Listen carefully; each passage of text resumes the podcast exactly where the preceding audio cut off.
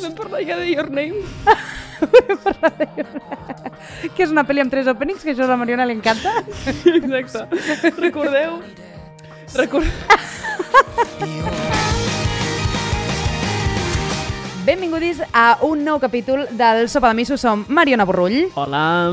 i Adriana Díaz. Què tal? Com esteu? Un dia més. Eh, tercer capítol, tercera temporada. Eh, bonic això, maco. Diuen un Polit. dia més o un dia menys. Ai, no, però ho és molt depriment que diguis un dia menys.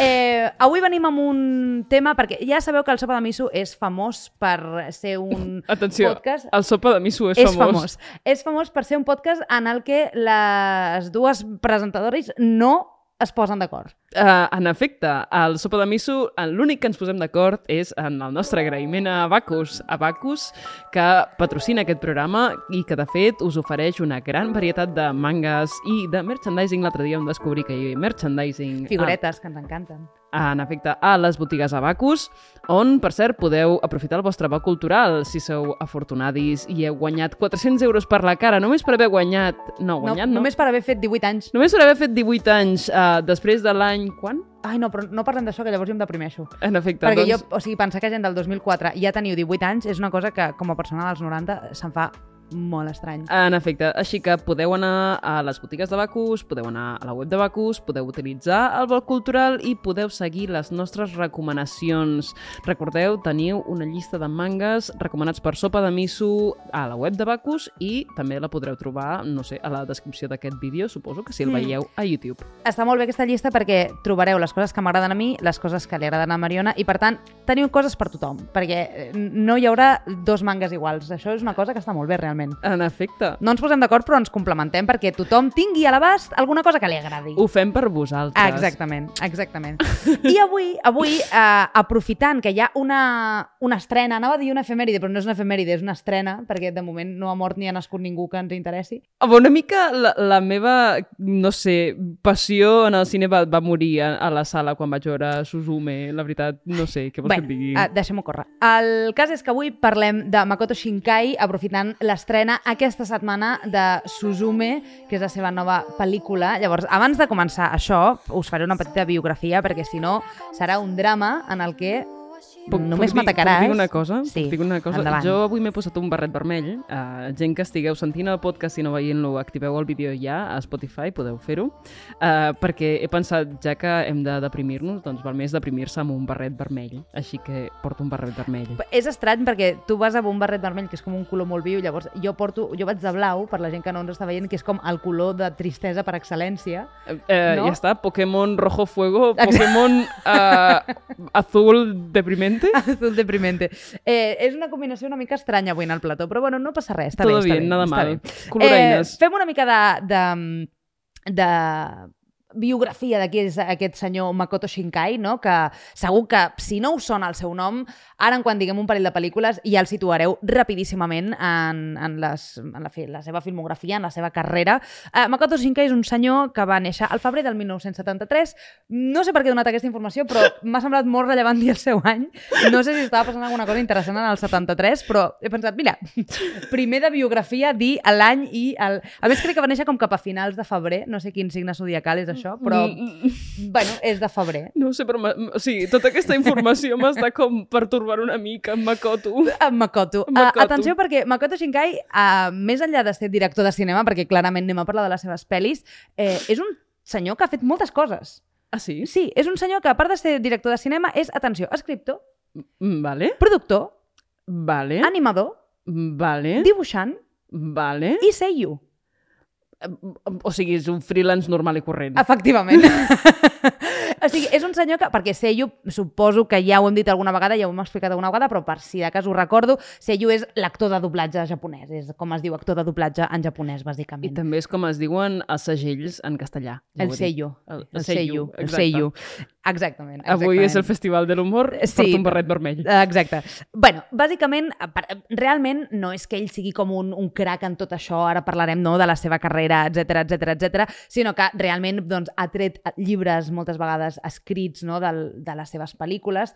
Um, ara parlarem d'algunes pel·lícules que encara no hem mencionat cap, però ara us aniran sonant. També hi ha hagut algun manga que després ha passat a pel·li. És a dir, que no és que ell sigui totes aquestes coses, sinó que ha fet una mica de pinitos, no?, que es diu en castellà, en, en totes aquestes cosetes, no?, en escriure una novel·la, ta, ta, ta, ta. Obeeix a, a la dinàmica de la propietat intel·lectual a Japó. Uh, recordem que a Japó és, és un clàssic primer escriure el manga del que s'adaptarà després al teu anime o a la teva pel·lícula d'anime o novel·litzar uh, animes. Jo, de, de fet, les meves, diguem-ne, primeres novel·les van ser adaptacions a novel·la del de, detectiu Conan. Encara les guardo. Uh, M'encanta que sempre surti el detectiu Conan. I aquest cop no ho he tret jo. Em sembla fantàstic. Muerome. Ai, en tot cas, segueix, segueix, disculpa. Parlem d'una de les pel·lícules, ara parlem de tota la seva filmografia i repassarem què és aquest senyor i com ha arribat a Suzume, que és la pel·lícula que ens ocupa avui direct, realment, perquè és la pel·lícula que s'estrena aquesta setmana. Suzume. Suzume. Suzume. Però, si encara no teniu situat a Makoto Shinkai en el vostre imaginari, uh, us diré una, No cal. una, una, mm, film, una, mm, un film, una pel·lícula que és molt famosa, que és Your Name, Kimi no Nawa. Eh, atenció, pel·lícula més taquillera. És la tercera pel·lícula més taquillera d'animació Ja- al Japó. Abans d'això, o sigui, en segona posició està El viatge de Chihiro, O sigui, una pel·lícula i després contenido, no? En general, bueno. i després, però és que espera, espera, espera, perquè la primera, saps qui, saps qui té el pòdium? Mm Saps qui té l'or -hmm. de, de la taquilla al Japó? Dime.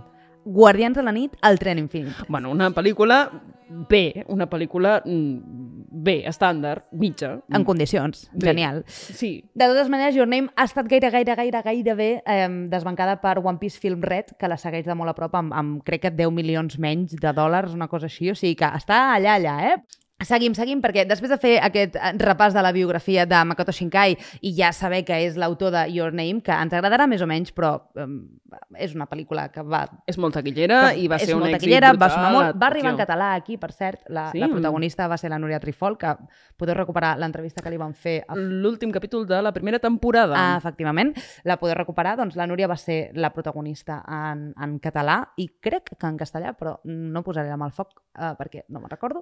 Però A la descripció. a la descripció o, o per aquí us ho posarà l'Albert, no ho sabem. Sí, vale, ens confirmen que ens ho posaran per aquí. El cas és que Makoto Shinkai no només té Your Name i Suzume, que és la pel·lícula que uh, estem avui, teòricament en algun moment parlem de Suzume, no ho Suzume. sé, sinó que té moltes més i havíem pensat en fer un repàs rapidet, fluid, pim-pam-pum de les pel·lícules. Ah, Llavors crec que comences tu. Sí, eh, començo amb la seva primera pel·lícula llargmetratge. Ell va tenir eh, curtmetratges, va dirigir episodis de, de televisió, d'anime de, de tele, però el seu primer llargmetratge és El lugar que nos prometimos. Uh, Muko... No, Kumo, no Muko... El meu japonès realment Ah, pensava que, estàs, molt... estàs, pensava que estaves intentant dir bucòlic i que no et sortia. I jo, en plan, com li està costant tant aquesta paraula? Si més era Muko... Però has dit com bucó, bucó, i en plan, no li està sortint bucòlic o, o, o és que les dues hores li han afectat molt i hauria de... Estava intentant dir Foucault o, o, Foucault. o mucolític. O... Vale, eh, bueno, eh, No, no digueu noms de títols en japonès. Sí, deixem-ho córrer. Deixem-ho Deixem-ho córrer. Corramos un tupido velo. Uh, jo crec que... Anava a tornar-ho a dir en japonès, però ens, ens um, tallarem. Sí. El lugar que nos prometimos és la pel·lícula de Makoto Shinkai que no sembla dirigida per Makoto Shinkai fins que... Ai. Ai. Ah, ah, Ai. que te lo he dejado huevo, eh, reina. Mm. Uh, és la història de dos amics, de Hiroki i de Takuya. Es fan amics d'una noia que es diu Sayuri. Amics vol dir que els dos s'enamoren d'ella, evidentment. És una pel·lícula de Makoto Shinkai. Com no? Uh, Takuya és un nen geni, Hiroki també. Es dediquen a, durant l'època de l'institut a fabricar un, una espècie com de planejador per arribar fins a l'altra punta de, del que és la, la illa de, de Hokkaido. Ells viuen a la, illa, a la- illa de Honshu, és a dir, Mhm. la illa central de Japó, i Hokkaido no pertany ja a Japó, sinó que ha estat conquerida per la URSS, la Unió Mhm. Soviètica. Vale. Uh, I ells el que estan fent és fabricar aquest planejador per anar fins a Hokkaido, on hi ha la arma ultrasecreta de la URSS, que és una torre llarguíssima. Dius, en plan de Mm. com un mm, arma secreta, secretíssima, en plan de no sé bé, uh, però sí, és una torre llarguíssima que es dedica a intercanviar partícules vingudes de- d'altres universos. Um, la cosa és, i no farem spoiler aquí, però aquestes partícules venen, diguem-ne, motivades o venen mogudes. El, el, que, el que fa que arribin al nostre univers és mm, el poder dels somnis. I ho deixarem aquí perquè Oh. Makoto Shinkai, evidentment. La pel·lícula, eh, jo diria que potser és la pel·lícula que més m'ha agradat de la seva filmografia.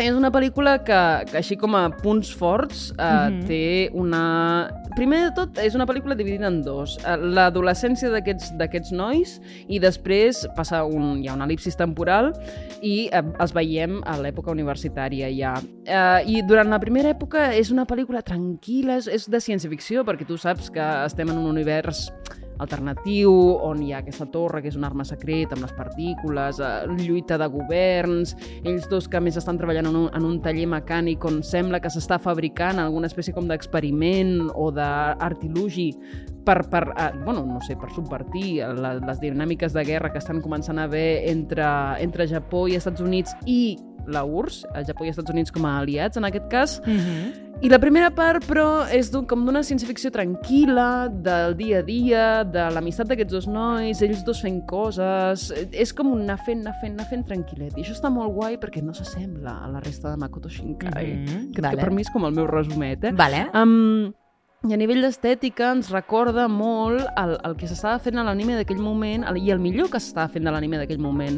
Recordem, és l'època de Serial Experiments Lane, té molt de Serial Experiments Lane i d'aquell cromatisme entre el blanc, el negre, el gris, els blaus intensos, una, una estètica que no s'avergonyeix de ser el que és. Després tenim llargues seqüències que ens recorden a Evangelion total. Sobretot, per exemple, et figures als trens d'Evangelion i quan Sí, Shinji anava al sí. tren i de cop i volta la imatge es carregava de tota aquesta com energia del diumenge a la tarda quan tornes a casa i estàs cansat i d'alguna manera és com que et trobes malament del cansament però alhora portes una càrrega emocional molt forta a sobre i per exemple tenia moments de pur estudi Ghibli dels dos estudiants muntant els planejadors que era bueno, una autèntica delícia de referències d'altres llocs però que funcionaven molt bé Mhm. i jo crec que, que per mi és el millor que ha fet Shinkai perquè justament veu molt bé de les de referències que li són properes i que entén perfectament. Ara, Vale. arriba el moment en què Makoto, Makoto desperta. I quan Makoto desperta tens... Um... I quan Makoto desperta és quan a mi Mm. m'agrada i a Mariona diu mm, no. És llavors és quan comences a tenir brillitos i quan la cosa es precipita ràpidament cap a l'absurd. Uh, llavors, bueno, pues la pel·lícula degenera fins que arriba a un moment que, per cert, ha estat absolutament copiat, plagiat, uh, reelaborat, com tu n'hi vulguis dir, a Your Name, amb els dos protagonistes i un destello darrere i ells dos dient Ai, ah, maco." hacía tanto tiempo, tanto tiempo. És, bueno, Makoto Shinkai eh, firma. on, on, on, en, en l'essència pura, no? L'essència pura. L'essència pura de Makoto Shinkai és un, Exacte. és un, un destello allò a, a, a l'albada, no? On... Però jo, de veritat, la defenso per tota la resta de pel·lícula que no sembla Makoto Shinkai. Molt bé, molt bé, molt bé. Seguint la filmografia, després tenim 5 centímetres per segundo, que és la que vindria una mica després. Eh, veureu que en la filmografia de Makoto Shinkai es, és molt habitual trobar-se molta fantasia, molts, no?, destellos, brillitos, jaja, eh, no?, l'albada i totes aquestes coses. I, en canvi, 5 centímetres per segundo, que, per cert, eh, una, una cosa divertida del... Bueno, divertida, curiosa, no sé si és divertida, és un fan fact, del seu nom, és que el seu nom ve de a la velocitat a la que cauen els pètals de les flors de cirerer. Momentet. Monyes. Ja està, segueix. Clar, però veus, a mi són les coses que m'agraden i Mariona diu, eh, monyes. Monyes. I en canvi jo penso, ai, que cuqui, no? cookie. Que mono. Els pètals. Clar, els eh, tiraré. difer diferències, no passa res. Uh, la cosa és que és, um, és una pel·lícula que no fa servir mm, la fantasia gairebé, que és, es present, presenta un món realista on els protagonistes mm, fan front a les seves mm, problemàtiques, diguem, del dia a dia, de, de l'espai, del temps, de les amistats, de l'amor, etc etc etc.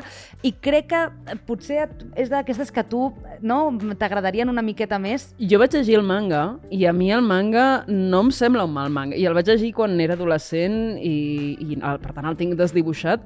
Però és veritat que recordo que l'emoció que hi havia darrere d'aquell manga, com el romanticisme que hi havia, no em va molestar perquè el vaig trobar que era molt de veritat. Exacte. I sé que és com xungo dir que una cosa de ficció és molt de veritat, perquè estem jugant a una altra lliga, però és veritat que, que en aquell moment no em, va, no em va semblar fals, no em va semblar com que busqués arrencar-te l'emoció, sinó que estava bueno, elaborant un discurs que tenia Clar, perquè, coherència. perquè el que intenta és centrar-se molt en, en el que passa realment en el, en el món real, no? Llavors és, un, és una història molt realista. De fet, la pel·lícula és molt curteta, eh? és una pel·lícula d'una horeta i cinc minuts aproximadament, cosa que s'agraeix perquè ara, eh, sisplau, prou uh, pel·lícules de 3 hores i mitja, gràcies, eh, perquè és que ja va, amb una pel·lícula d'una hora a vegades m'aportes més amb una de tres, però bueno, això és per un altre moment. El cas és que Uh, aquesta pel·lícula en concret uh, són tres històries que passen en tres moments diferents de la vida dels protagonistes. Llavors, doncs, comences veient-los més jovenets, amb els problemes que tenen en aquell moment, perquè, clar, tu ara mires enrere i els problemes que tenies amb 15 anys, evidentment, són absolutament patètics, els, el, diguem, davant dels problemes, però en aquell moment et feien un món i eren els problemes més importants del món, no? Doncs una cosa així semblant passa amb aquests protagonistes que al llarg d'aquestes tres historietes els, ve, els veus com evolucionen i com, i com creixen. Trobo que és una pel·lícula molt maca perquè bueno, a mi a mi m'agrada i crec que, que està molt bé i perquè, primer, perquè és molt realista i a mi també m'agrada molt aquests slice of life, no?, De- d'alguna manera. Hi ha alguns que m'acaben avorrint, però aquest com que té ritmet i també és això, ajuda que sigui curteta i que es vegi en un moment, mm. perquè realment la veus en un- en un moment. I és una pel·li sobre el, el saber estar en el moment en el que estàs i el saber eh, quan has de deixar anar alguna cosa. Buah, Adriana, vull, vull que narris la meva vida. ja està. No, és que aquesta, aquesta en concret, uh, com que a mi m'ha passat una cosa molt semblant últimament, de, de, de saber de, de que arriba un moment a la vida en el que te n'adones que has de deixar anar una cosa i fins que no ho tens de, de, diguem, de cara, literalment, no te n'adones, és com, ostres, realment és molt guai que, es, que, que... No, però ho dic per mi, eh? No, o sigui, estic parlant de coses que m'afecten a mi directament. Llavors, clar, és una pel·lícula que està molt bé per reflexionar sobre això. Sobre en quin moment et trobes i en quin moment has de deixar anar les coses. Sí o no? Tens tota la raó del. Però podem parlar ja de Your Name? que és una pel·li amb tres openings, que això a la Mariona li encanta. Exacte. Recordeu... Record... Recordeu el sopa de miso en què nosaltres vam dir dos punts i aquí, Albert, ins insereixes el moment de... Mm, em penso tragar una pel·li que té tres openings. Una pel·li que té tres openings a mi no... Doncs la pel·li era aquesta. Your Name. Kimi no Nawa. Kimi no Nawa. Kimi no Nawa. Kimi, Kimi Sinawa. Kimi no Nawa. uh, aquí uh, Makoto va posar tota la carn al foc. Uh, Ciència-ficció amb un to romàntic. Bien. Fantàstic. Pel·lícula d'aventures amb, mm, no sé, amb essència de puzzle. Genial. Ok, t'ho compro, t'ho compro tot. Mm -hmm. Subgènere, és que subgènere Matsuri, que a mi m'encanta. És a dir, que al final de les pel·lis passi en un Matsuri. Parlàvem de Tokyo Revenge, és, és el millor de la, de la sèrie, la, la- l'arc del, dels capítols de el Matsuri. És que mm, lo tiene todo. ¿Por qué, ¿Por qué no? I llavors, Per per què, no? llavors explica'm per què no. Jo t'anava a resumir, eh, diguem-ne, perquè res d'això que teòricament funciona, funciona amb una escena molt concreta, i és una escena en què ella o ell, no recordo, eh, ells dos es troben en, en el món del, del somni i pacten que s'escriuran a la mà amb un rotulador quan es despertin, s'escriuran el nom de, de l'altre per Sí, saber, sé per vas. conèixer, Mm. diguem-ne, el nom de la persona que podria salvar el No especifiquen el nom punyeter planeta. I tant que sí. No I especifiquen que... posar I, el nom. I tant que sí. Albert, fa check. Coño. Namae kaito koze. Hola. Perdó, talla això. Últim. Um, total. Que queden en què s'escriuran el nom. I, bueno, s'escriuen una coseta, se'n van a dormir... I el matí següent, quan es desperta, què li ha escrit el noi a la noia? T'estimo. Idiota! No! Vaca de material. Com va? Que, que, què? Vaca, Ah, vaca. En tot cas, en tot cas. aquí és quan una persona raonable diu Makoto, què fas? Makoto, què fas? En efecte, no se salva del romanticisme recalcitrant i em permetràs aquesta Recalcitrant, mare. Som-hi. um, i rocambolesca de la- l'animació més boba que, que existeix ara mateix, sincerament. I això em sap molt de greu. No ho salva el bonitismo que té la seva posada en escena. Que jo, per mi, a, a mi és el que em fa més ràbia. I t'ho dic, eh? Em fa ràbia perquè d'alguna manera és el que ha enganxat a la gent i és el que ha fet que sigui popular i potser és el que haurà obert la porta a que, no sé, la crítica occidental miri anime i per fi s'interessi més enllà del que seria Estudi Ghibli, no? I potser com desacartronat eh, el panorama de l'animació més enllà del que era l'autor Hayao Miyazaki. Mm -hmm. I això em sembla un, un, bueno, una consecució espectacular, diria una victòria per, per l'anime. Però clar, em fa tanta ràbia que s'aconsegueixi per, per una qüestió purament tècnica i visual, que no dic, diguem-ne, mm, formal o intel·lectual o d'una posada en escena mínimament coherent i lògica, que sigui només perquè se ve bonito, que clar, em, fa, em recorda totes les vegades en què, per exemple, la crítica ha validat videojocs perquè estaven molt ben fets i perquè eren molt realistes, o ha validat doncs, això productes d'animació justament perquè no es veien com un anime normal i corrent. No? I hem d'aprendre a estimar l'anime com és, hem d'aprendre a estimar l'anime a mm, quatre fotogrames per segon i hi ha, hi ha personatges mal dibuixats. I sé que sóc la primera persona que es fica amb l'animació de mapa a Ataca als Titans, però bueno, això és altra cosa. Um, Sí, bueno, però després també és una animació que ha obert també moltes portes, o sigui, no només... Es... És que clar. ha d'arribar, han d'arribar taquillassos com aquest, no sé com és taquillasso en català. Uh, ta taqui... Bombes a la taquilla. Va, Sí, un, però clar, un bombasso tampoc... Bueno, és igual. Una bomba de taquilla com aquesta, no?, que, que, es, que faci 245.000 milions exactament eh, de dòlars en taquilla perquè s'interessin però més, més que res perquè és una pel·li que no ve d'una sèrie, perquè al final Kimetsu ha fet molts diners perquè ve d'una sèrie que ja estava fent molts diners al Japó. One Piece ha fet molts diners perquè ve d'una sèrie que fa molts diners a Japó. Sí. Uh, el Conan és veritat que mai ha arribat a aquests números de moment, però quan fa els números és perquè ve d'una sèrie que té mil capítols enrere. I en canvi Your Name va tenir un, una, un... Jo crec que va ser com tot un, una sèrie de factors darrere que va fer que, es, que fos la bomba que, que va ser, perquè, clar, a, a ull nu, diguem, és una sèrie que, o sigui, és una pel·li que entra molt per, per l'ull i per la història i tal, perquè al final nosaltres aquí el que fem és analitzar en profunditat aquestes, aquestes això. Jo seguiré estimant molt Your Name, tot i que vegi els tecnicismes que tu m'expliques, però a mi em seguirà és una pel·li que em seguirà agradant. És una banda sonora que, per exemple, a mi m'ha acompanyat molt durant tots aquests anys. Mm -hmm. Bueno, llavors, és, és una sèrie que... Ah, sí, una, perdó, una sèrie, que com sempre parlem de sèries, se'm fa com Ja. parlar de pel·lis. Eh, és, una, és una pel·li que a mi m'agrada molt i que em seguirà agradant, però clar, a ull nu de cop et planten una pel·li com aquesta, que no és excessivament llarga, que és facilet d'entendre, que té un gir molt xulo al final, que tal... Doncs clar, jo entenc que és molt, és molt fàcil de veure i que fa molta taquilla. Sí, Saps? a, a més, és veritat que replica dinàmiques que ja estan establertes dins la- l'anime. Per exemple, Clar. gent que repeteix i gui- guions, per exemple, que de cop i volta et deixen en una quantitat d'informació brutal, bestial, i que de cop i volta s'estanquen i on no passa res, no? Mhm. Uh, per tant, no és res que no estiguem acostumadis a, a valorar i admetre i abraçar i a adoptar com si fos un, un petit bao nostre, no? Sí, sí, sí, totalment, totalment. Bueno, també seguim, si vols, amb la, Sí, amb sí, la següent. si us plau. u- la última pel·lícula de la que volíem parlar, abans de parlar de Suzume, bastant ràpidament, perquè com sempre se'ns acaba el temps, però bueno, ens ha servit aquest capítol per fer un repàs de Makoto Shinkai Claro. i arribar en condicions a Suzume, cosa que ens agrada. La, la següent pel·lícula que va fer, que va ser El temps amb tu, és una pel·lícula que ara en parlem molt breument, però que jo crec que gràcies a l'èxit de Your Name va ser el que va obrir la porta a que Japó volgués enviar aquesta pel·lícula als Oscars com a millor pel·lícula internacional. Ah, la van enviar com la 2019. seva candidata. Aquell any, sí, el 2019, la pel·li que va anar amb Japó als Oscars va ser El temps amb tu.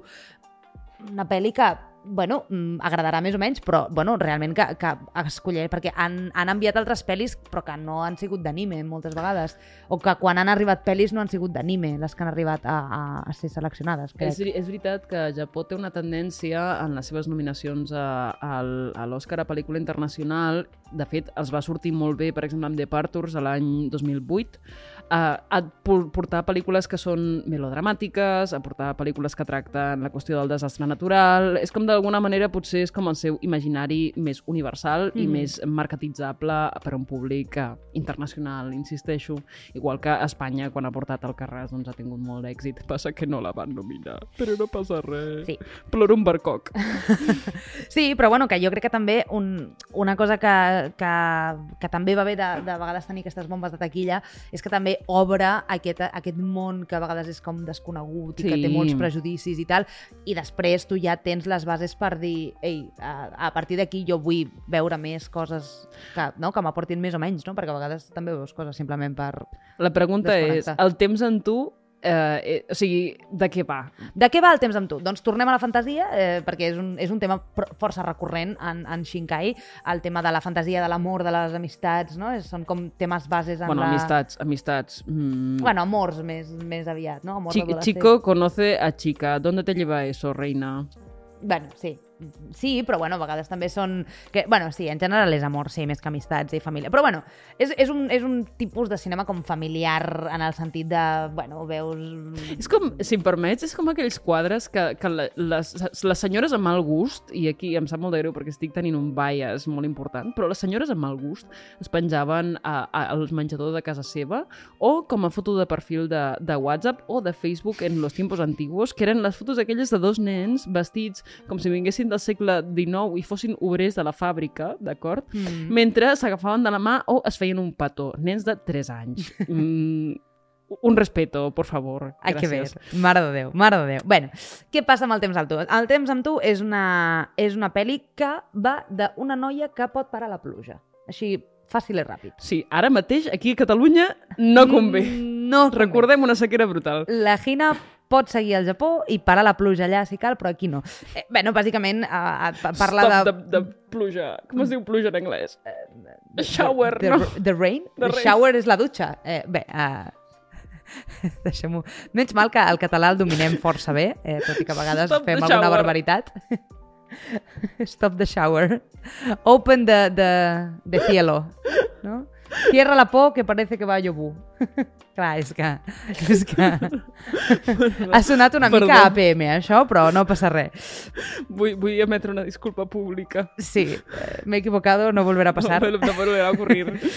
Bueno, bàsicament, eh, un, un estudiant de batxillerat, que és l'edat estereotípica màxima dels animes, no? De, en quina edat estan els, els protagonistes de l'anime? Eh, doncs exactament, són shonens.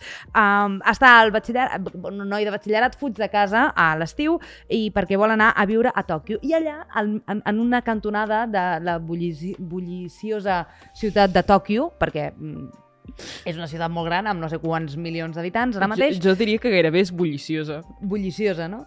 Bueno, uh, escabull de gent, que hi ha molta gent, que, que et trobes gent a, a qualsevol cantonada, es troba amb una noia que resulta que té el poder de parar la pluja i buidar el cel de núvols.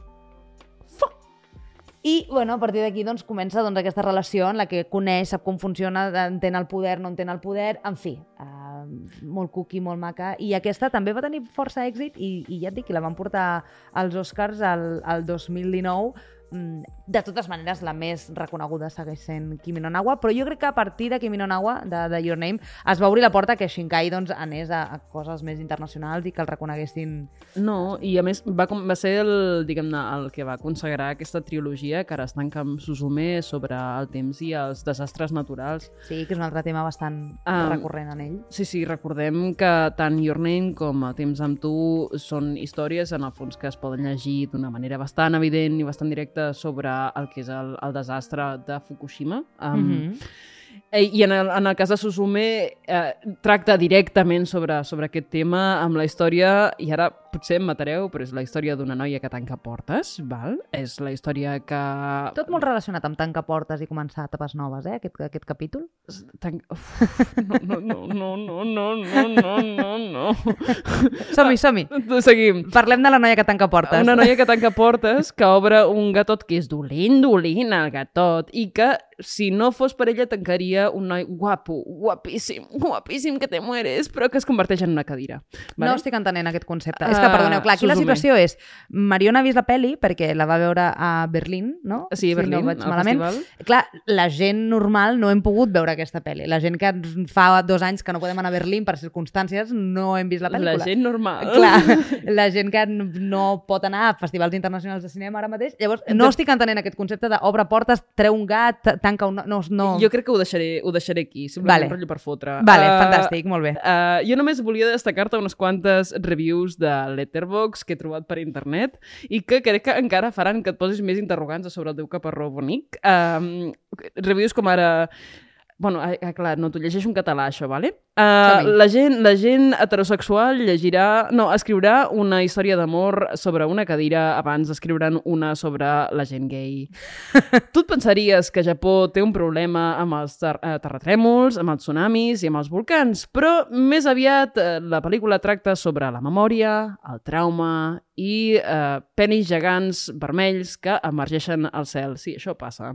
Ah, vale. Um, després, una review de Letterboxd que diu mm, no, genuïn, genuïnament no entenc d'on venen aquests sentiments uh, i, finalment, una persona que descriu aquesta pel·lícula com charming. És a dir, no charming, encantadora, charming. O sigui, un joc de paraules entre cadira i, no? En I plan, encantador. charming i charming. Vale.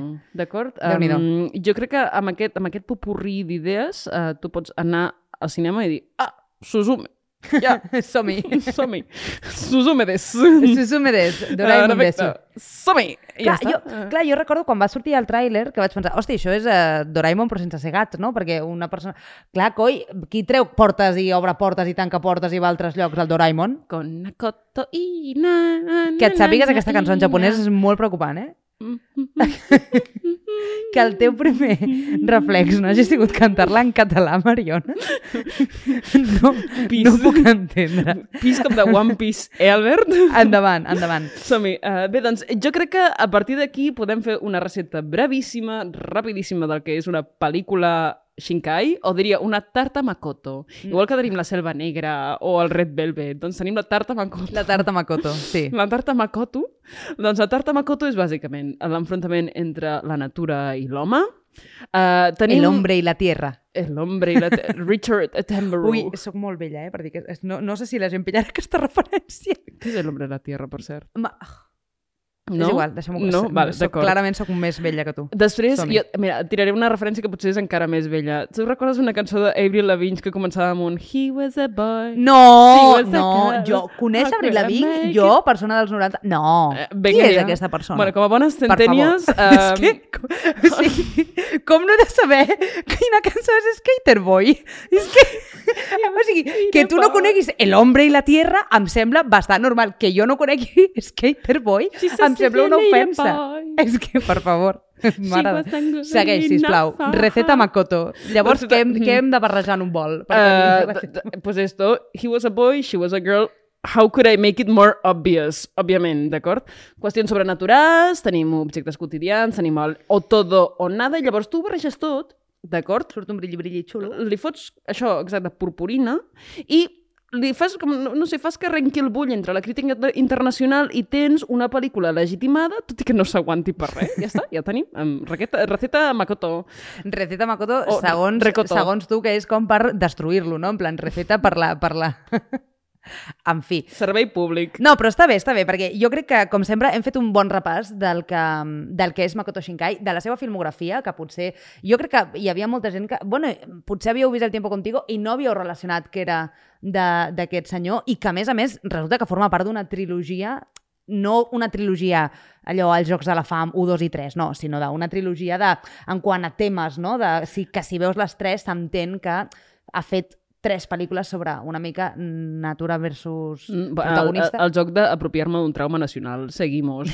Som-hi. Siguiente. Bueno, uh, us hem donat idees perquè potser hi havia alguna pel·lícula que no coneixíeu, pel·lícules més llarguetes, més curtetes. Jo crec que ha estat força bé Sí. i que, que podem extreure una bona recepta Makoto Shinkai que agradarà més o menys. Eh, hi haurà moltes Adrianes que escolten això, hi haurà moltes Mariones que escolten això i per tant tots estarem contents i contentis de- de- d'aquesta recepta que hem tret. Uh, en tot cas, recordar-vos que encara teniu mm, la possibilitat meravellosa de gastar-vos el vostre bo cultural en les botigues de Bacus o a la Mhm. web de Bacus, que teniu les nostres recomanacions de manga penjades a la, a la web, recordeu, sopa de miso, i uh, que res, que estem molt agraïdis a, a Bacus per patrocinar aquest programa. Ens podeu uh, seguir a les xarxes socials, que, que són TikTok, que estem penjant clips, a més a més, dels capítols, cosa que és molt xulo perquè veieu com els highlights de cada capítol. O sigui, tot el capítol d'avui serà TikTok. Sí, bé, sí, podria ser perfectament. Que ens podeu seguir també a Twitter i que, a més a més, hem obert un canal de YouTube específicament de,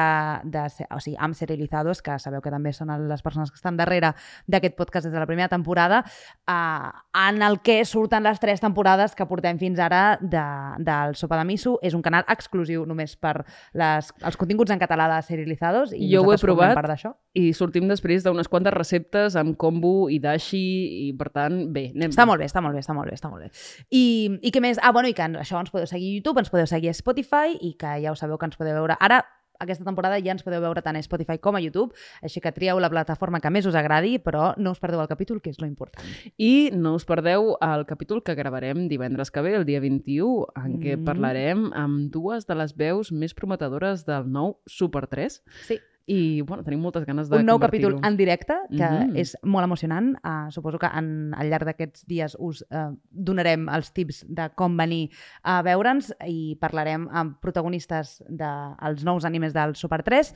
Així que eh, estigueu atents i, i atentes i atentis totes les persones que ens escolteu o ens veieu, perquè és una bona oportunitat per posar cara, si no l'heu posat, a les veus que sonen ara mateix per la I tele. per veure'ns, Adrià. I per veure'ns. I per sí, però jo veure'ns. suposo que els hi farà més il·lusió posar I per cara a veure'ns. les veus que no coneixen. Uh, I posar, posar, posar, posar tota la resta. Doncs, Mariona, ens veiem en directe la setmana vinent, així que ja la següent ja ens tornarem a veure al plató.